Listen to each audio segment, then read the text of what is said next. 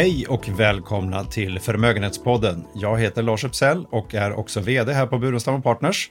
Och med mig så här i början på månaden som vanligt eh, vår eminenta chefsekonom Rosmarie Westman. Välkommen Rosmarie. Tack.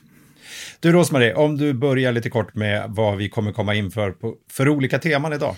Ja, halvårsskiftet har ju passerat så det kommer vi kommentera var vi står och vi ska också eh, titta lite närmare på vad vi kan förvänta oss närmaste halvåret. Vi kanske pratar också lite grann om IPO-trenden, när vänder den och hur ska västvärlden få stå på de här hackningsattackerna som sker från Ryssland kontinuerligt? Eh, någonting måste ändras i strategin där. Vi kommer få ett fullspäckat schema, men vi försöker hålla oss till eh, 20 minuter någonting. Kanske drar över någon minut idag. Det får vi se. Men eh, vi kör igång Rosmarie. Vi, vi börjar med pandemin. Eh, ögonen på UK nu med öppningen där. Är det 19 juli som man ska öppna va? Mm. Kommer det bli av? Ja, allt tyder på att det finns inget utrymme politiskt att inte öppna, så det kommer ske. Och eh, tittar man på smittningen nu, smittspridningen, så är det ungefär 25 000 nya fall i UK och det är ju inte så där extremt lågt. De var ju nere långt under 10 000 så det har stigit lite grann redan.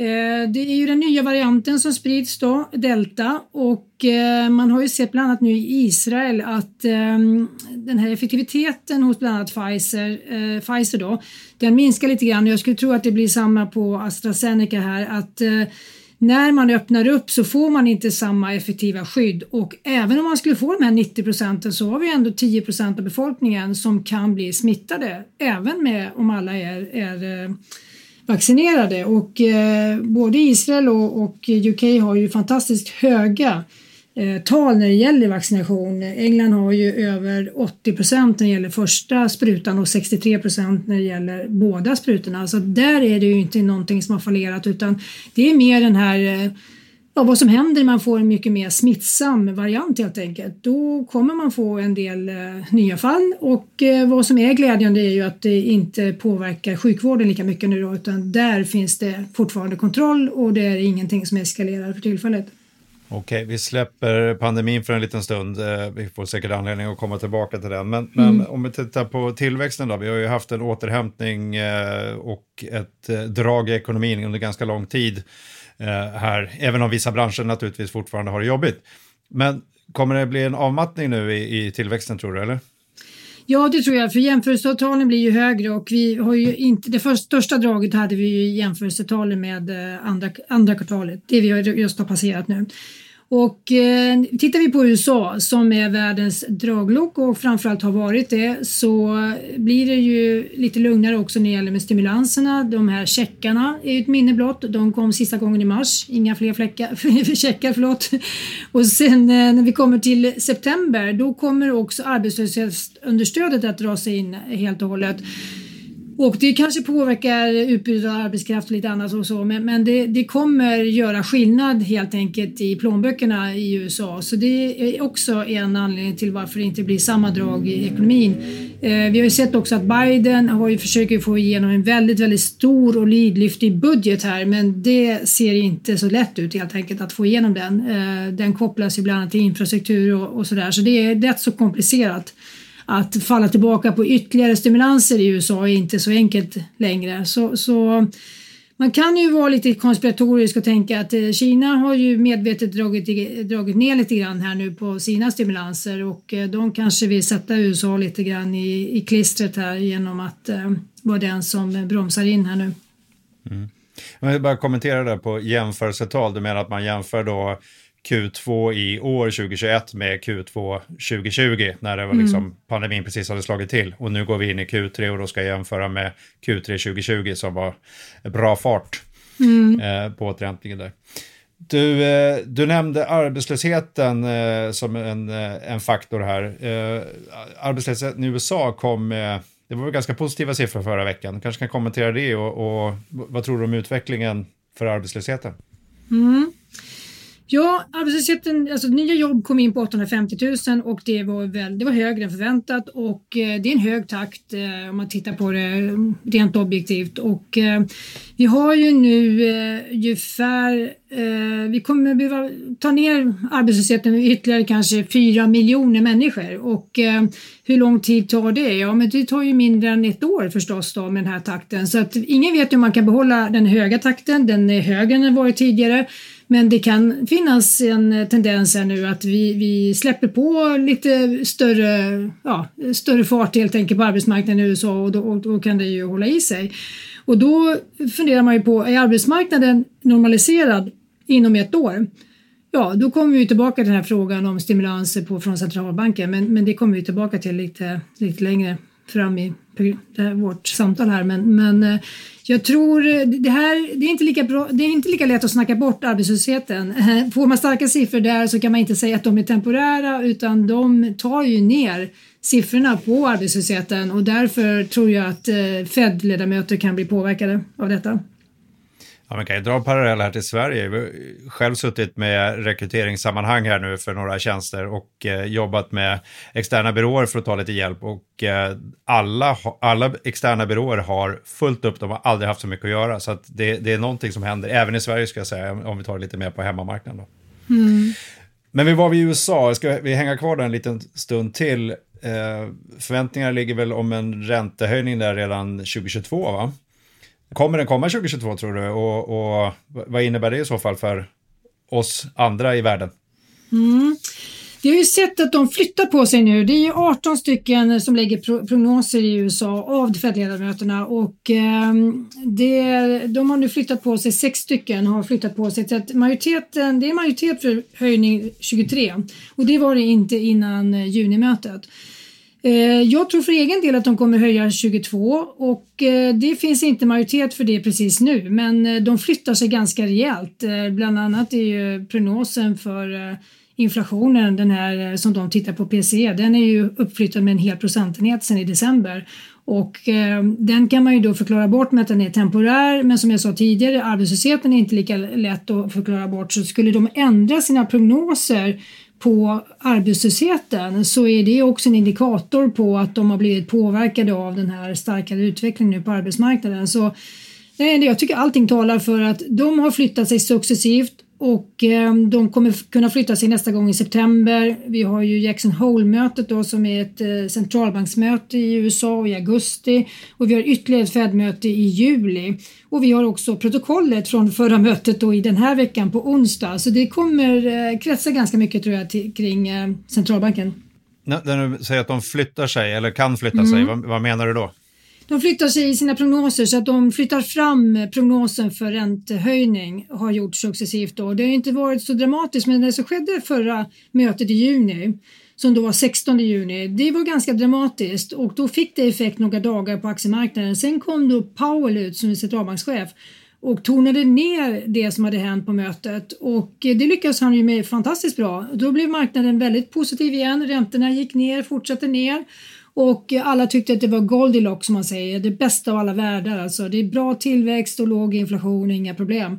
Men eh, nu när vi får se protokollet då är det ju inte Powell som pratar enbart i det protokollet utan då kommer vi verkligen se hur resonemanget har gått på mötet och då kan det påverka faktiskt marknadens intryck av vad som kommer hända framöver helt enkelt. Så det är ganska viktigt, det är mycket fokus på det så att marknaden har full koll på detta och jag skulle säga att det är temat, det viktigaste temat för hela veckan som kommer nu det är det här eh, protokollet från Fed i USA. Ja, vi kanske ska passa på att nämna det, vilken vecka det är. Det är den 5 juli idag, måndag, och vi sitter här strax före lunch. Men eh, vi håller oss kvar där. Du, vi pratar om USA, det är ju en viktig faktor i världsekonomin. Men, men, du menar att Kina är lite mer på sina techbolag än vad amerikanerna är och att amerikanerna hamnar lite grann på efterkälken där. Vad är det du menar att de är på eh, sina techbolag? Ska vi prata om temat först? Ja, jag tycker kineserna är på många frågor först. Vi pratade om digitala valutor förra programmet och då var de ju även där då långt, långt fram före USA. Och här är ett annat område som man ändå förväntar sig att USA ska vara på. Och eh, det har kommit lite lagstiftningsförslag eh, från kongressen då, från representanthuset men, men de är inte tagna ännu och det, det gäller ju då att de kan inte växa sig för starka som platt, plattformar och det, de är ju redan stora så jag vet inte om det begränsar speciellt mycket. I Kina då, eh, som du nämner här, då har ju de eh, öppnat upp en förundersökning på det här som eh, bolaget med samåkning som, som heter Didi. Och eh, det noterades så sent som förra, innan helgen, förra veckan i New York. Och eh, det är klart att det är en riktig smäll på fingrarna för det här bolaget. Och vad de klagar på det är deras hur de hanterar integriteten kring sina kunders personliga uppgifter. Och eh, det finns ju massor saker att, att, slå ner på skulle jag tro även för amerikanska bolag men de har ju fortfarande silkesvantarna på tycker jag USA. Alltså det händer ju inte speciellt mycket. Jag tror inte att de vill begränsa sina techbolag speciellt mycket för det är ju också en, en det är ju lite kapplöpning här hela tiden rent med den tekniska utvecklingen med AI och så vidare som sker relativt Kina så, så USA verkar inte riktigt sätta det här Eh, främst på något sätt tycker jag utan eh, de har fortfarande och vi såg ju två domar mot eh, Facebook här förra veckan tror jag det var och som de inte då kunde fullfölja med den lagstiftning som finns. Och det är många som säger att ja men titta här det, finns, det behövs verkligen ny lagstiftning. Det behövs ny lagstiftning i USA men det går inte jättesnabbt. Och jag tycker återigen att man bara kan fascineras av att kineserna är lite snabbare på fötterna då, i det här när det gäller att eh, ingripa. Det är ju väldigt mycket politik. De vill ju inte ha för mycket makt koncentrerad på de här bolagen eller deras ägare. Alltså det har ju en annan dimension i Kina också. Eh, man känner sig utmanad ganska ofta från den kinesiska regimen av de här bolagen. De växer sig för starka. Och, eh, så man håller tillbaka av den anledningen också. Men man ska absolut hålla koll på det här, vad som händer i Kina, i många aspekter. Men, men, Kina har väl uttalat för många år sedan just att man ska bli marknadsledare inom artificiell intelligens? Stämmer inte det? Mm, jo, de har ju den största data, datan eftersom de är, ja, dels att de har så avancerade techbolag som de har och sen att de är så, så, den befolkning de har. Så klart att det är många som tror att de kommer vinna det här racet på grund av det. Eh, vi eh, ja, det är inte så mycket som säger emot det men eh, vi vet ju heller inte exakt var USA befinner sig. Så det är ju fortfarande lite frågetecken kring det men, men jag tycker att eh, de rör sig mycket, mycket snabbare i de här frågorna. Så det är en indikation tycker jag. Något att hålla koll på framöver helt enkelt. Mm. Vi, vi, håller oss kvar vid Kina för de firade nyligen, eller kommunistiska partiet i Kina, eh, det enda partiet, firade nyligen 100 år. Eh, vad tycker du budskapen var som kom i samband med det här? Ja, de har ju fortfarande väldigt hög eh, profil eh, på många sätt och eh, det viktigaste för omvärlden tycker jag det är att de återigen eh, nämner att, då, att Taiwan då ska återförenas med Kina och att det är ett historiskt mål. Eh, man kan ju inte få uppfattningen att det ligger närmare i tiden än vad det gjort förut men att det är väldigt högt upp på agendan och man varnar för de västerländska länder som att inte ställa sig i vägen för Kinas eh, eh, behov eller ja, det, som de vill åstadkomma. Så det är en tydlig varning till västvärlden.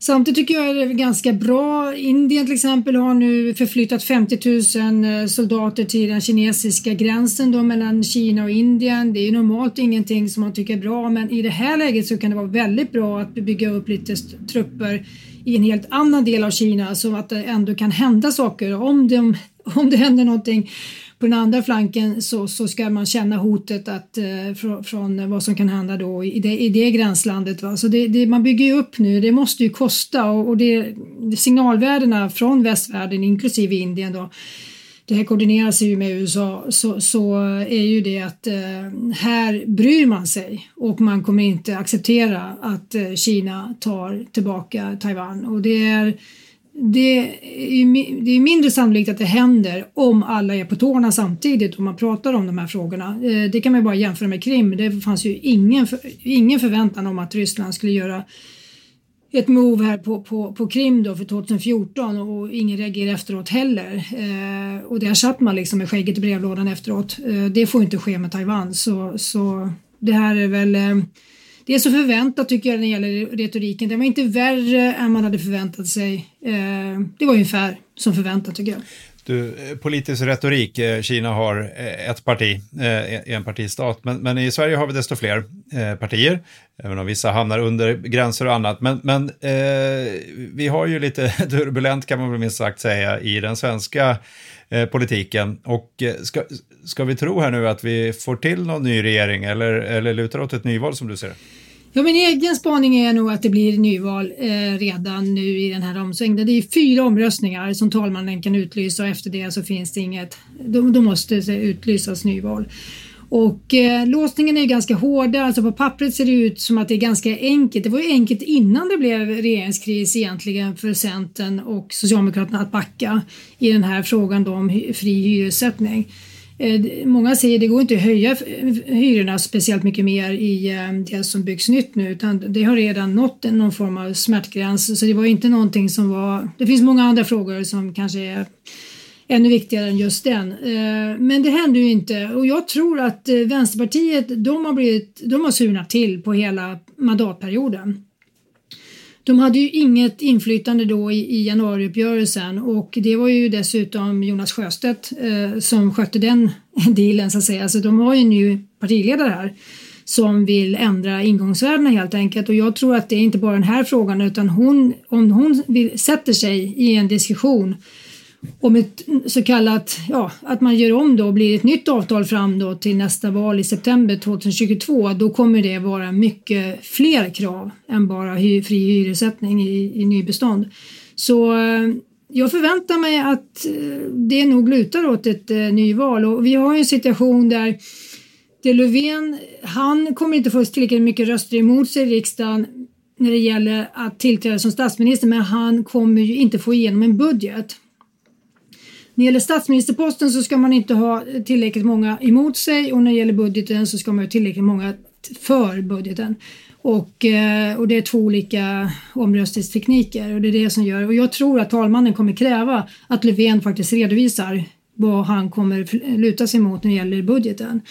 Annars har vi ju en nyvalssituation lite längre fram under hösten som kanske då utlyses i november istället och det vinner vi ju ingenting på. Då är det bättre att ta det nu.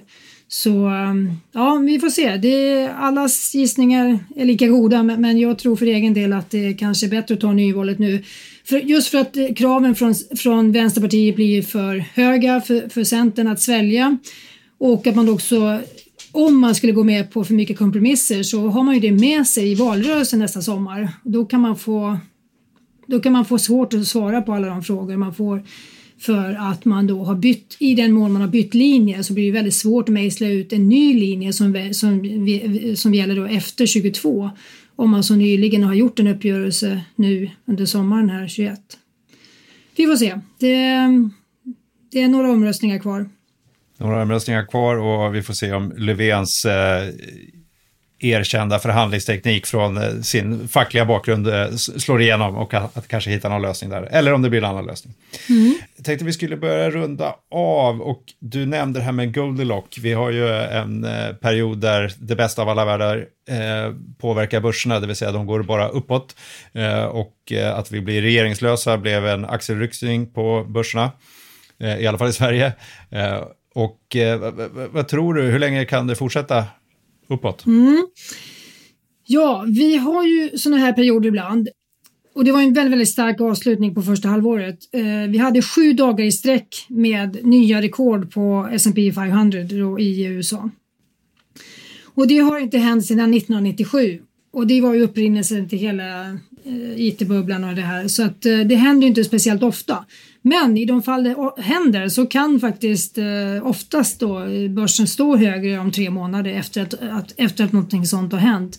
När man har, eh, när man har flera sådana här breakouts som det heter då, på varandra följande dagar så, så kan det ändå då öppna eller stänga ytterligare eh, högre. Men jag tycker man ändå ska ta med sig, eh, även om många känner sig väldigt eh, positiva nu och vi har ju enorma mängder pengar. Vi har 600 miljarder dollar som har gått in i globala, alltså det här är globala globalt i globala eh, aktiefonder och eh, det är lika mycket, om den trenden fortsätter resten av året så det är lika mycket som vi har stoppat in i aktiemarknaden de tidigare 20 åren tillsammans. Så vi har ju extrema flöden in, alltså vi har ju som ett globalt kasino här nu eh, där, där det inte går att förlora helt enkelt. Det, det, alla vet att det, att det är svart som vinner här och det är bara att ösa in pengar, det, det är ju så det känns. Men efter sådana här perioder så kommer det naturligtvis en tillnyktring och, och ingen kan peka ut exakt när men eh, det, jag tycker man ska vara medveten om, om, riskerna och jag tycker också man ska vara medveten om att det går att titta på att när man är i början på en konjunkturcykel så går börsen upp flera år efter att det har hänt. Det är många som lutar sig mot det, men då får man ändå tänka på att vi gör allting mycket snabbare. Vi hade en rekordsnabb nedgång, vi hade lika rekordsnabb uppgång och då kan man inte applicera, tycker jag, att det här ska pågå ett, ett antal år utan både konjunkturen och aktieutvecklingen blir säkerligen annorlunda skulle jag tro mot om man tittar historiskt då, just av den, för att vi har ett, vi har ett annat skede som har varit mycket snabbare. Så det skulle vara en av mina spaningar. Och sen Goldilocks då, vi har ju inflationen, vi har ju räntorna. Det, det, är bara en tidsfråga nu innan det här blir åtgärdat. Alltså de här obligationsköpen i USA, de kommer eh, trappas ner och vi kommer ha högre räntor. Och förväntan om högre räntor kommer definitivt in i marknaden och har ju redan, alltså de, vi är ju i en period nu där de har minskat förväntningarna lite grann, men vi kommer återigen tror jag öka de här förväntningarna, kanske under hösten då. Så ehm, nej, det är lite varningar tycker jag på att eh, inte förstora risker utan eh, man ska aldrig kliva ur aktiemarknaden helt och hållet. det har vi sagt ofta. Eh, behålla normal allokering och allt det där men eh, inte ha extra exponering på sådana här ganska höga nivåer. Då. Ja, det, är väl, det är väl det som är risken, att man springer iväg och blir girig när man ser att det fungerar att satsa på svart hela tiden. Eh, men en, en, parallell då till 97, det var ju, om det här var, skedde då på S&P 500 förra gången 97 och det vart upprinnelse.com-bubblan så sprack ju den då i mars 2020, mm. så det var ganska långt emellan. Eh, osvuret är bäst när det väl sker. Men du, eh, vi har varit med om och pratat om ganska mycket idag. Vi har pratat om eh, pandemin och eh, UKs möjlighet att öppna, även lite in på Israel och eh, den här delta-varianten. Eh, vi har pratat om USA och Kinas techbolag och arbetslösheten i USA. Vi har pratat om den svenska politiken och hur det ser ut i regeringen och riksdagen. Men du, om man ska ta med en sak här nu från de teman vi varit in på idag som är viktigt att hålla koll på framöver. Vad, vad, vad tycker du är det viktigaste? Det viktigaste är synen på USA eh, och då menar jag inte den faktiska utvecklingen utan också hur man uppfattar den här närmsta tiden nu. Är USA den här liksom dragloket eller håller det på att bli till pyspunka där borta? Alltså det är det viktigaste temat framöver och det, och det kan det är både faktisk utveckling, det är centralbanken och det är Biden som president. Det, den, den eh, potten tillsammans avgör. Om man kan försvara sin position som lokomotivet i världsekonomin helt enkelt. Ja. Ja. Du Rosmarie, vi ska passa på att tacka för att lyssnarna för att de har lyssnat och eh, önskar dem en riktigt trevlig sommar. Och vi slår också ett slag för att ni går in och läser artiklar och lyssnar på andra poddar och det gör ni på burenstam.se under fliken insikt. Tack ska ni ha. Tack.